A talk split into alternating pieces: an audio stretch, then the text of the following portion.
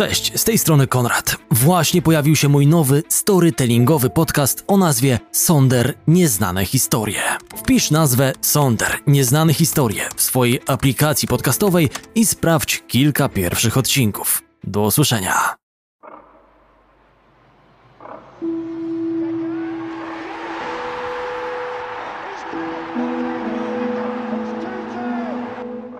David Beckham w meczu z Grecją, zapewniający Anglikom awans w ostatniej minucie gry. Roberto Carlos w spotkaniu z Francją, nadający piłce rotacji zaprzeczającej prawom fizyki.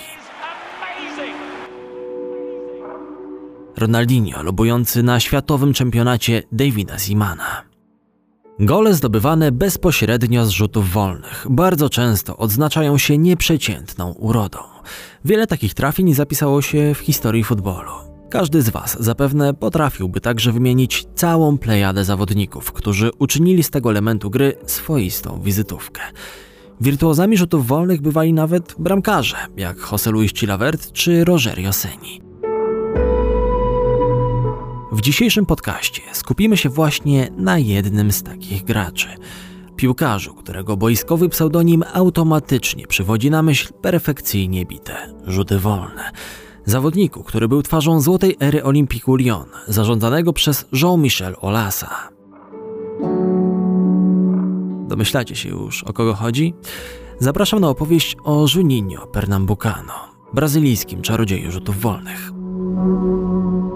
Nazywam się Konrad Szymański. Słuchacie podcastu Historie z boiska. Jeśli słuchacie mnie na YouTube, będę wdzięczny za zostawienie łapki w górę pod tym filmem. To naprawdę mi pomoże. Dziękuję. Historie z boiska. Ciekawsza strona futbolu.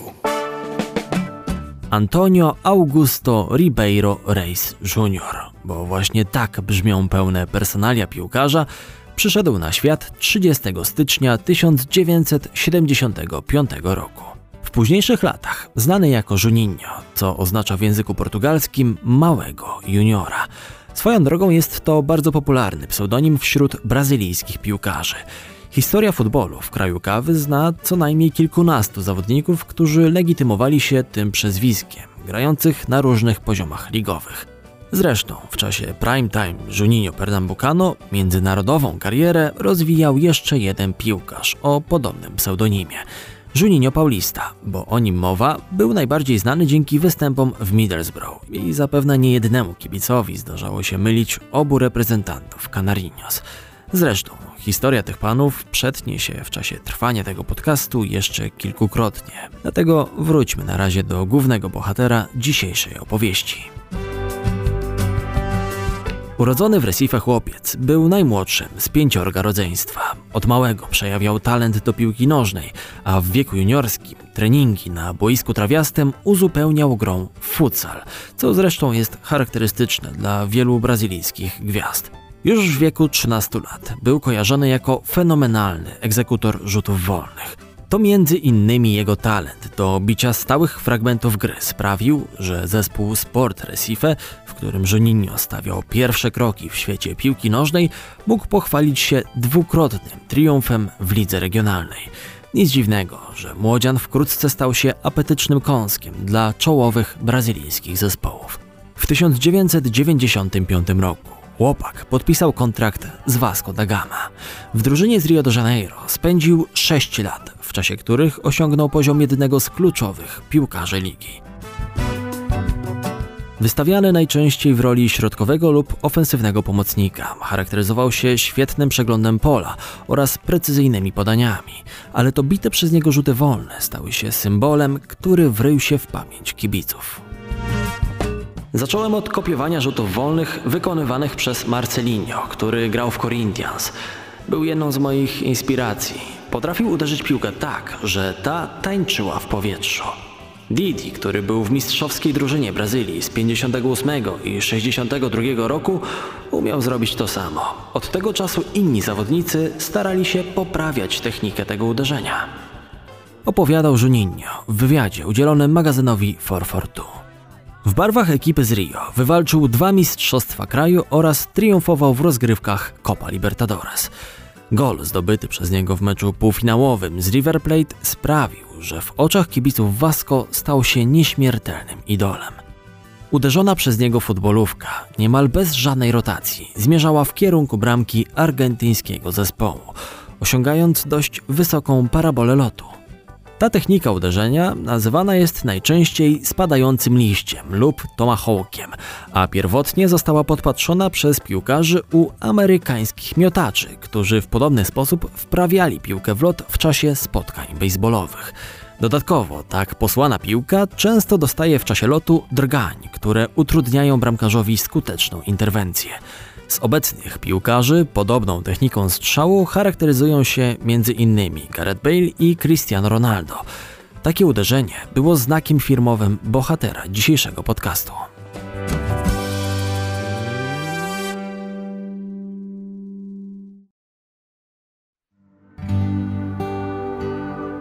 Koniec swojego pobytu w Vasco, Juninho był nazywany przez wielbiących go fanów z Rio małym królem São Januario, czyli stadionu należącego do ekipy z miasta Chrystusa.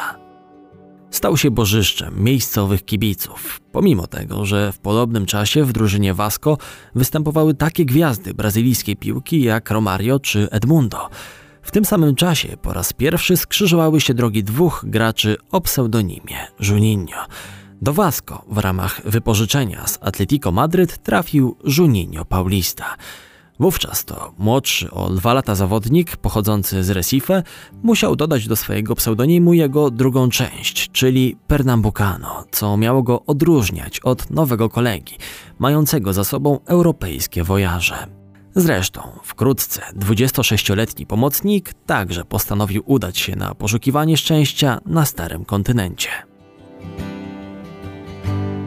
Nie było to jednak takie proste, gdyż wcześniej Juninho musiał stoczyć sądową batalię z działaczami klubu z Rio, którzy nie chcieli tak łatwo wypuścić swojego największego gwiazdora z rąk. Ostateczny wyrok był jednak pomyślny dla Brazylijczyka i mały król Sao Januario wyruszył za wielką wodę, czarować swoimi umiejętnościami francuskich kibiców. Mimo niefortunnego końca swojej przygody z zespołem Vasco da Gama, pamięć najzagorzalszych fanów klubu z Rio o swoim byłym graczu nie wygasła, a przyśpiewki hołubiące czarodzieja rzutów wolnych i jego magiczne uderzenie ze spotkania z River Plate słychać na trybunach obiektu Vasco do dziś. Zresztą, jak można nie mieć szacunku do zawodnika, który potrafił rozegrać dwa oficjalne mecze w dwóch różnych krajach jednego dnia – to jest kapitalna ciekawostka.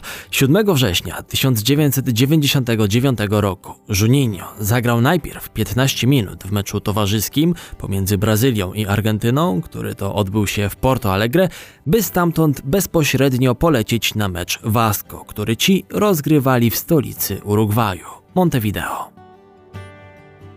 Lyon miał już w składzie trzech Brazylijczyków. Byli to Edmilson, Claudio Casapa i Sonny Anderson, co było dla mnie ważne, ponieważ dzięki temu łatwiej było mi się zaklimatyzować we Francji. Zawsze chciałem grać w Europie, a trener Bernard Lacombe także był zainteresowany pozyskaniem mnie. Dlatego zdecydowałem się podpisać kontrakt. Powiedział Juninho krótko po tym, gdy w 2001 roku związał się z Olympique Lyon. Skusiła go również długofalowa wizja budowy klubu z nad rzeki Rodan. Projekt Jean-Michel Olasa, który był w tym momencie właścicielem Lyonu już od blisko 15 lat, wchodził w kluczową fazę, a w ligę miała niebawem rozpocząć się wieloletnia dominacja Legone.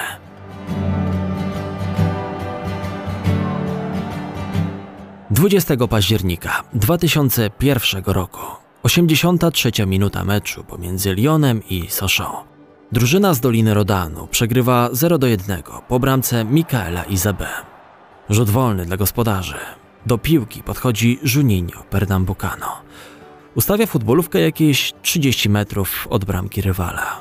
Bierze krótki rozpęd. Kolega z drużyny, który staje przed piłką, tworząc żywą zasłonę, odskakuje w tym samym momencie, w którym Brazylijczyk bierze zamach. Piłka szybuje nisko nad ziemią, wymijając mur stworzony przez graczy Sochaux. Zmierza w kierunku bramki strzeżonej przez Vanso Fernandeza. Kozłuje jeszcze przed interweniującym golkiperem i wpada w dalszy róg jego bramki. Stade Gerlon wiwatuje. Pernambucano zdobywa swojego premierowego gola w barwach nowej drużyny. Pierwszego z 44, które strzeli w barwach Lyonu po uderzeniach z rzutu wolnego. To blisko połowa całkowitego dorobku strzeleckiego Brazylijczyka w barwach francuskiego klubu. Ten wyniósł równe 100 goli. Barcelona, Real czy Bayern Monachium. O potędze uderzenia Małego Króla mogły się przekonać najbardziej utytułowane kluby Europy. Iker Casillas, Victor Valdes czy Oliver Kahn. Po strzałach Juninho kapitulowali najlepsi bramkarze na świecie. Ten ostatni tak zacięcie starał się interweniować po rzucie wolnym Brazylijczyka, że zatrzymał się głową na słupku własnej bramki. Nic to nie dało. Precyzja uderzeń pomocnika Lyonu bywała tak doskonała, jakby Pernambucano przed każdym stałym fragmentem gry wykonywał szereg działań matematycznych, mających na celu ustalić siłę uderzenia i punkcik na piłce, w który należy trafić.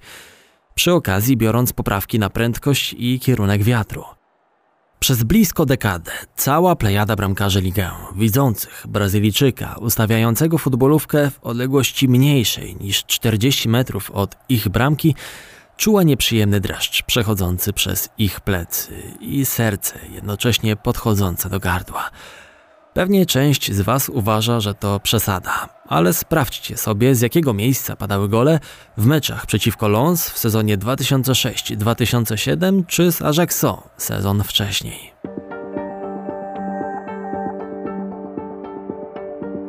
Lubię podchodzić do piłki z prostym nabiegiem i uderzać ją wewnętrzną częścią stopy, tak jak przy podaniach, ale z większą siłą. Piłka trafiona w środek, w miejscu, gdzie styka się ze spodem, myli bramkarza, ponieważ opada w zdradliwy sposób. Opowiadał bohater dzisiejszego podcastu. Siedem kolejnych mistrzostw Francji zdobytych przez armię z Lyonu w latach 2002-2008 było przypieczętowanych strzałami Juninho, siejącymi popłoch niczym pociski z moździerza. Chociaż futbolówka po uderzeniu filigranowego pomocnika często leniwie zmierzała w kierunku bramki rywala, lecąc wysokim łukiem z delikatną rotacją, to była wymierzona w taki punkt, że większość golkiperów nie nadążała nawet z interwencją, odprowadzając jedynie piłkę wzrokiem. Tysiące razy mierzyłem się z jego strzałami. W czasie sesji treningowej robiliśmy po 30 lub 40 rzutów wolnych, a 90% z nich trafiało w bramkę. Kiedy już w nią trafiał, to zawsze oznaczało to gola. Gdy zdobywał bramki w meczach, to pierwszą osobą, w stronę której biegł, byłem ja. To było wspaniałe. Czułem, że jest to nagroda dla mnie za całą pracę, jaką wykonywaliśmy. Mówił w jednym z wywiadów Remy Vercoutr, ówczesny rezerwowy golkiper Olympic, z którym Juninho często zostawał po treningach, by doskonalić technikę swojego uderzenia. Reprezentant Brazylii do dziś jest jednym z największych symboli ówczesnej ekipy z Doliny Rodanu, która zdominowała rozgrywki Ligi Francuskiej w nie mniejszym stopniu niż obecnie czyni to PSG. Gorzej Legone wiodło się w europejskich pucharach. Ćwierćfinał Ligi Mistrzów to było maksimum ich możliwości w okresie, kiedy klub reprezentował Pernambucano. Jak na ironię, Lyon doszedł do półfinału Champions League sezon po tym, gdy Latynos opuścił jego szeregi. Juninho odszedł z zespołu po sezonie 2008-2009. Pierwszym od 8 lat, kiedy to Mistrzostwo Francji przypadło w udziale komuś innemu niż Lyon. Na pożegnalnej konferencji prasowej nie wypowiedział ani słowa. Był zbyt mocno wzruszony. Z kibicami w jego imieniu pożegnał się prezes Olas. Brazylijczyk odchodził jako siedmiokrotny triumfator ligę i zdobywca Pucharu Francji 2008. Do tego mógł poszczycić się sześcioma superpucharami oraz wyróżnieniami indywidualnymi. W 2006 roku wybrano go najlepszym graczem Ligi Francuskiej. Dodatkowo trzykrotnie trafiał do drużyny roku Ligę. Pomocnik zbliżał się już do 35 urodzin i postanowił zarobić jeszcze kilka pachnących ropą naftową dolarów na koniec kariery. Wybrał kierunek bliskowschodni i w 2009 roku podpisał kontrakt z katarskim Al Garafa, w którym spędził dwa lata. Zgarnął tam tytuł mistrzowski oraz statuetkę dla najlepszego piłkarza ligi i w 2011 roku podjął decyzję o powrocie na stare śmieci, kiedy to po 10 latach przerwy ponownie przywdział trykot Vasco da Gama.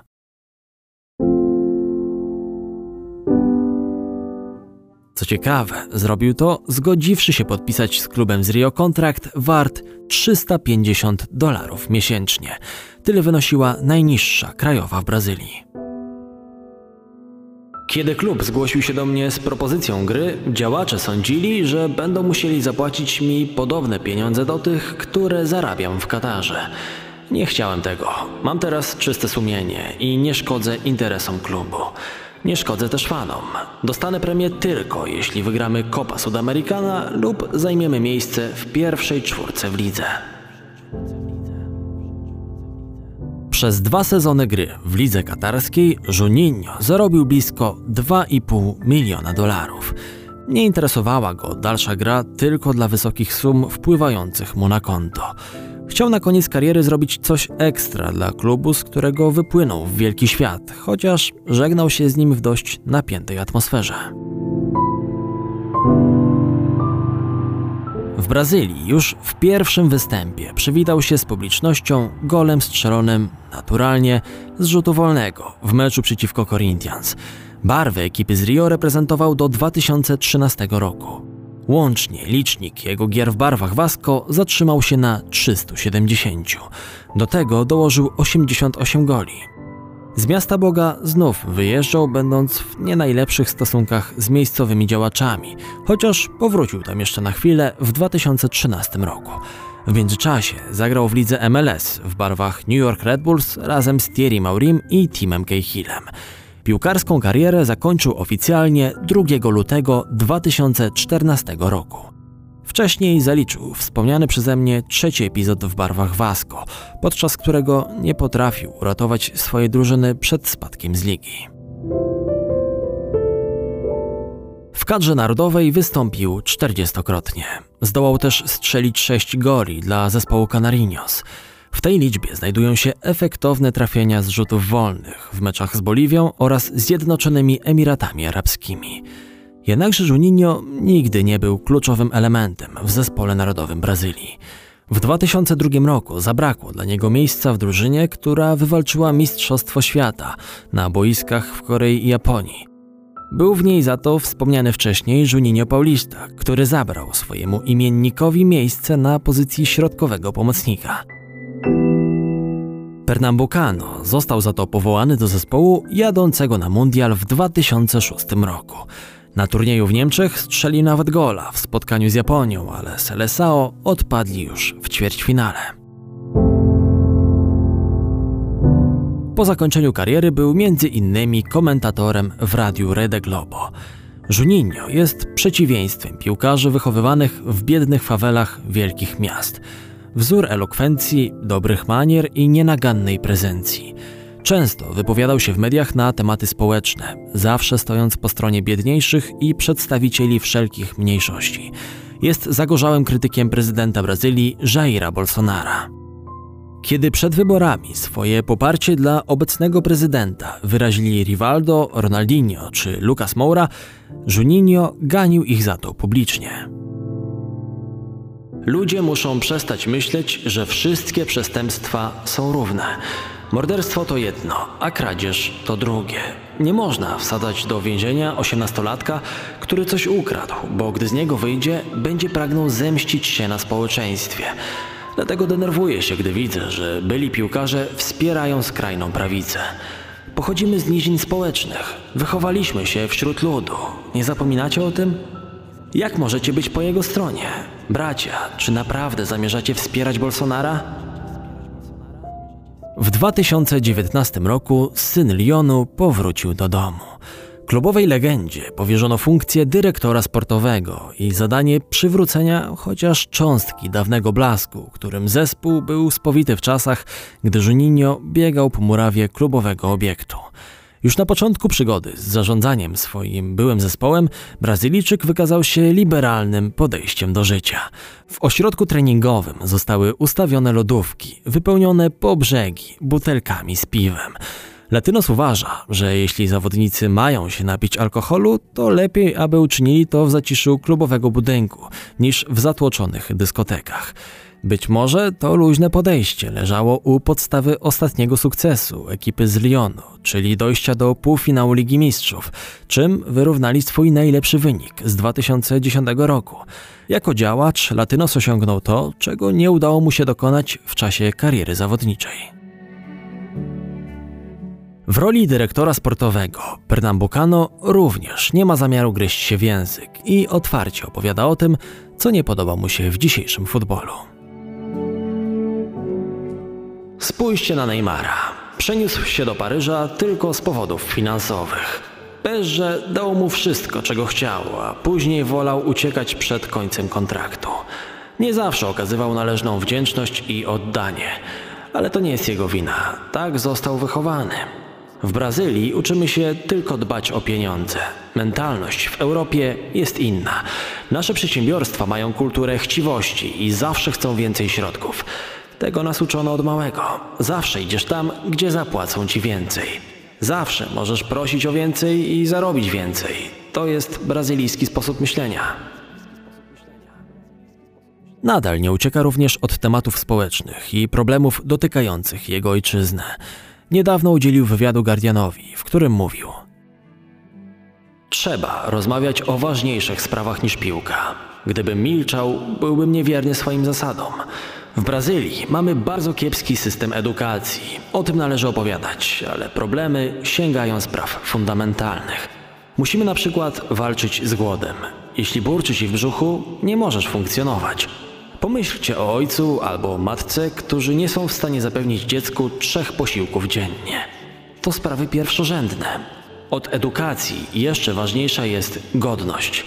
Godność ludzka to prawo, które każdy z nas musi posiadać. Ostatnio ponad 40 milionów osób nie głosowało. Gdyby prasa wykonywała uczciwie, rzetelnie swoją pracę, Bolsonaro nigdy nie zostałby wybrany na prezydenta. Nasz kraj potrzebuje prawdy.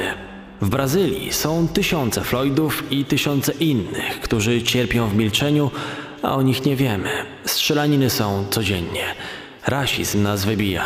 Osoby homoseksualne są prześladowane. I to powody, dla których najbardziej jestem zły na wspierających Bolsonaro. Jestem ojcem, dziadkiem i jedyne czego chcę, to lepszego świata. 77 goli zdobytych bezpośrednio z rzutów wolnych. W odmętach internetu znajdziemy wiele różnych zestawień klasyfikujących najlepszych wykonawców tego elementu gry. Mogą się one różnić pewnymi szczegółami, ale na pierwszej pozycji praktycznie zawsze znajdziemy jego Juninho Pernambucano. Zapewne gdyby nie to, że Brazylijczyk tak perfekcyjnie opanował stałe fragmenty gry, Dziś większość kibiców by o nim po prostu nie pamiętała. Od solidny zawodnik, który grał przez lata w niewzbudzającej raczej wielkich emocji u przeciętnego kibica ligę. Jednakże legenda, ciągnąca się za filigranowym pomocnikiem dzięki jego magicznym rzutom wolnym oraz fakt, że w czasie jego występów Olimpik świętował 7 tytułów mistrzowskich, swoją drogą jedynych w historii klubu, powoduje, że urodzony w Recife były piłkarz zdołał wywalczyć swoje miejsce w historii futbolu. Zresztą mówimy o gościu, na którego rzutach wolnych wzorował się sam Cristiano Ronaldo. Ten facet sprawiał, że piłka robiła niecodzienne rzeczy.